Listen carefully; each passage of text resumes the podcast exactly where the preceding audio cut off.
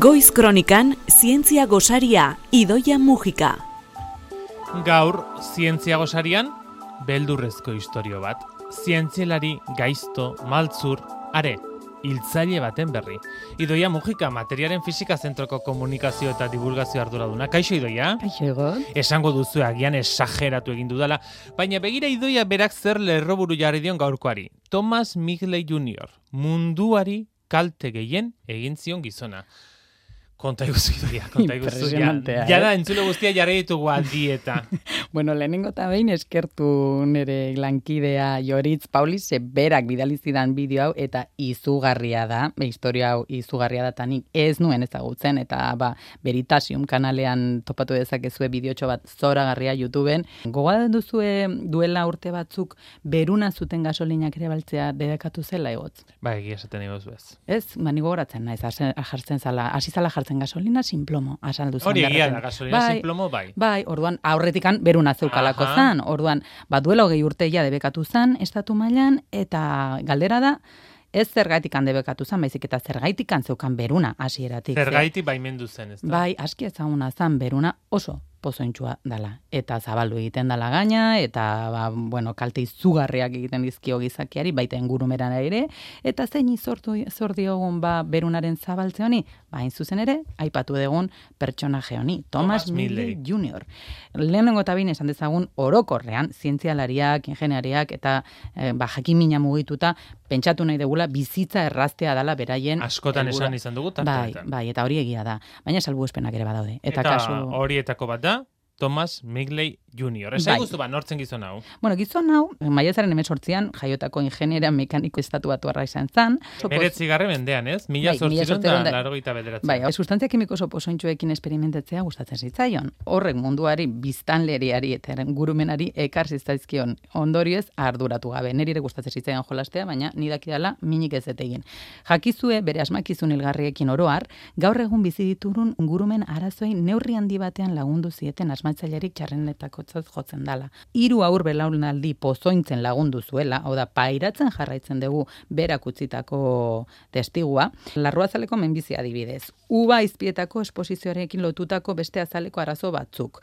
Eta neurri handi batean berotze globalaren lagundu zuen ere. Igotz. Ezerrez. kurrikuluma. Bai, Eta saiguzu, ba, ze asmakizun eh, egin zituen bakizun Ba, honek. bere karreraren hasieran agente kimiko antidentonatzailea deitzen diranak garatu zituen. Berunezko tetraetiloa da berak Hortxe, gehi. hortxe beruna. Hortzen beruna. Hori izan zen, ba, bere esmakizun nagusia. E, Thomas Migley General Motors egintzat lan egiten zuen. Gasolinentzat gehigarrien garapena lan egiten zuen. Pentsatzen zuen, mila bederatzen da hogei garren amarkadean hasieran, Nire gazte bat. kotxeak ezagunak ziren, motorreak maltsatzen biltza, baina arazo larri bat zeukaten. Kolpaktzea deitzen dana.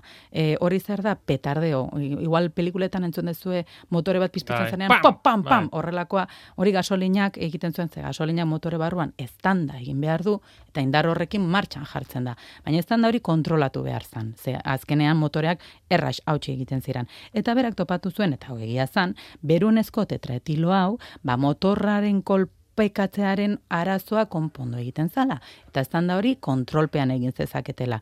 Zer gertatzen da, ba? Aipatutakoa, beruna zeukan.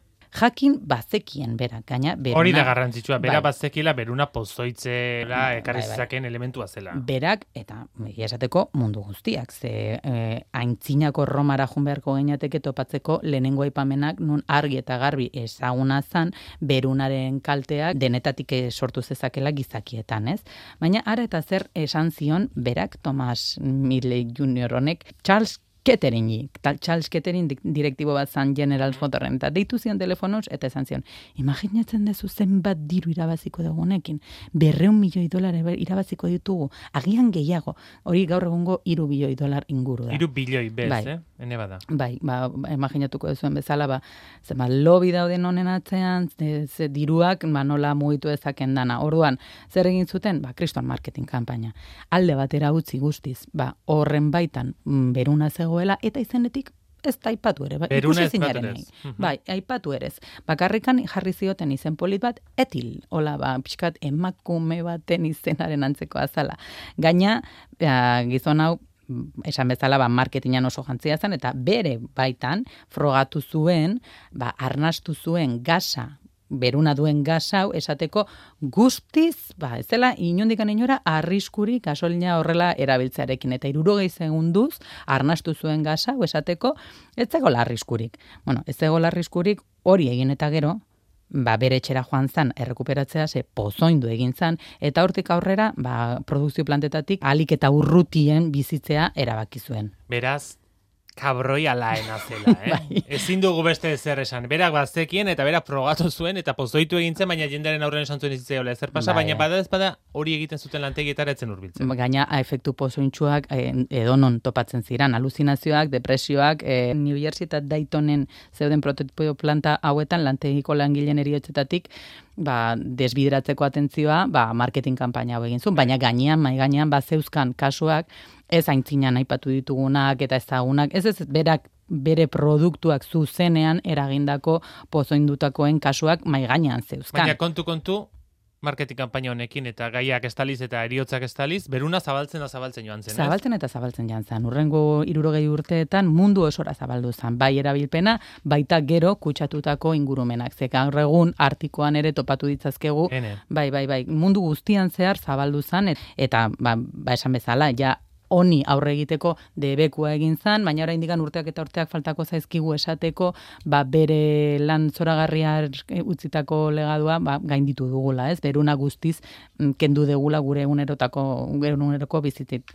Gaina badago beste ikerketa mota bat, zuzenean lotzen duena, delinkuentzia, pentsa. Azken finean, berunak dauka kalteetako bat edo nabarmenena buruan da, ez gure jarreran, eta ikusten da, ba, behin, berunarekin kontaktuak egin dira, egon dira numeak, a- azitakoan hogei urtetara, beraien jarrera askoz ere mm, por, eh, Bortitzagoa dela. dela. Eta neurketa hori esango duzu, bueno, ba, hori igual paraleloki ba, ikusi nahi dan. Ez, egin dira ikerketak munduan hiri eta estatu mailan eta guztietan grafika berdina egiten da. Beruna maila iguala, hortik hogei urtera delinkuentzia igo egiten da, gaina gaina perfil berdinean izugarria da. Eta frogatuta dago horrela ba, ba, izan daitekela, ez? Hori ikusita eta ipatu ditugu hainbeste eta hainbeste evidentzia ikusita, baina hasi izan politikeko liki, Nova York, Fra Washington, Philadelphia, beruna, jo zuzen ama. Ebekatzen. Debekatzen. Baita pentsatu zezue beruna ez dela bakarrikan topatzen gasolinetan, baita ere margo askoetan ba, erabiltzen zen berunen oinarritutako e, produktuak, ez? Pinturan, beraz, bai, pinturaz, bai, eta berunezko pintura mila bederatzen onda irurogeita mesortzean ja debekatu zen ere. Baina hori bakarrik etzen izan, gizon honen ekarpen zoragarri, Bai. eh, esango dugu ironikoki eh, bakarra. Bai. Aipatu behar diguzu beste elementu bat, ni niri bat berri egintze dena, CFC-a. Zer da hori? Gogoratzen CFC-ak nola leno espraietan asaltzen zirala. Ah, honek ez dauka CFC-rik edo? Claro, gogoratuko ez agian hori hasi ziranean hori gogoratzen dut. kentzen, Kentzen, CFC-ak, ja. ba, hango espraiak, lakak erabiltzen genitunak, ze oso produktu ona da. Oso produktu ona da, ze azkenean ozkailuentzat, aire, aire egokituentzat, gasak behar dira ozteko sistema horiek errefrigeratzeko.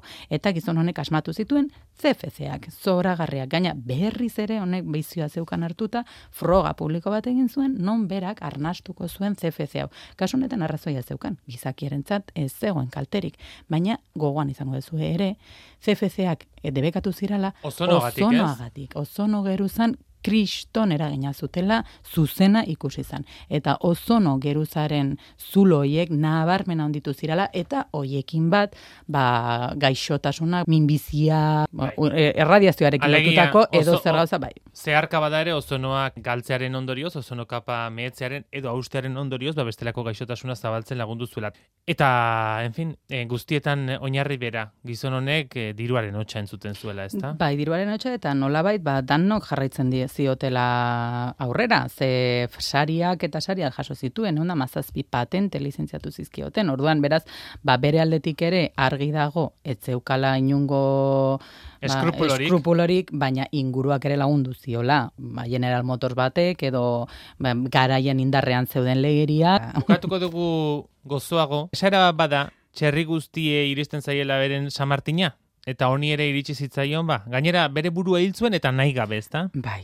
Mila behatzeren da berrogei garren urtean, berrogei eta maika urte zituela, poliomelitis hartu zuen polioa. Ba, gorain bai. ja eh, desagertu den e, gaixotasuna. Txertoi esker desagertu den gaixotasuna. Bai, aurretan ematen zan eta usten zituen asko ba, elbarri eta bar, baina bera eh, heldua zal hartu zuen eta gelitu zan ia ezin zala mugitu ohe batean. Orduan esan zuen, nik asmatuko dut ohe izugarri bat polea sistema batekin, ba oso komplikatua, bera nahi zuelako, ba indikan autonomoa izan. Ohe hori egin zuen, autonomoa izan nahi zuen eta mugitzen ari zala ohe hori, korapilatu zitzaizkion soka hoiek eta korapilatuta itota hilzan bere asmakizun horretan. Zuen berunak akatu, ez zan hilere ozono asalaren zuloaren minbizia batetik, baina bere burua akatzeko gai izan zan ere, bere azkenekoa izango zan asmakizun hilkor, hilgarri horretan. Thomas Midley Jr. Zientzialari gehien gehienak, ia denak,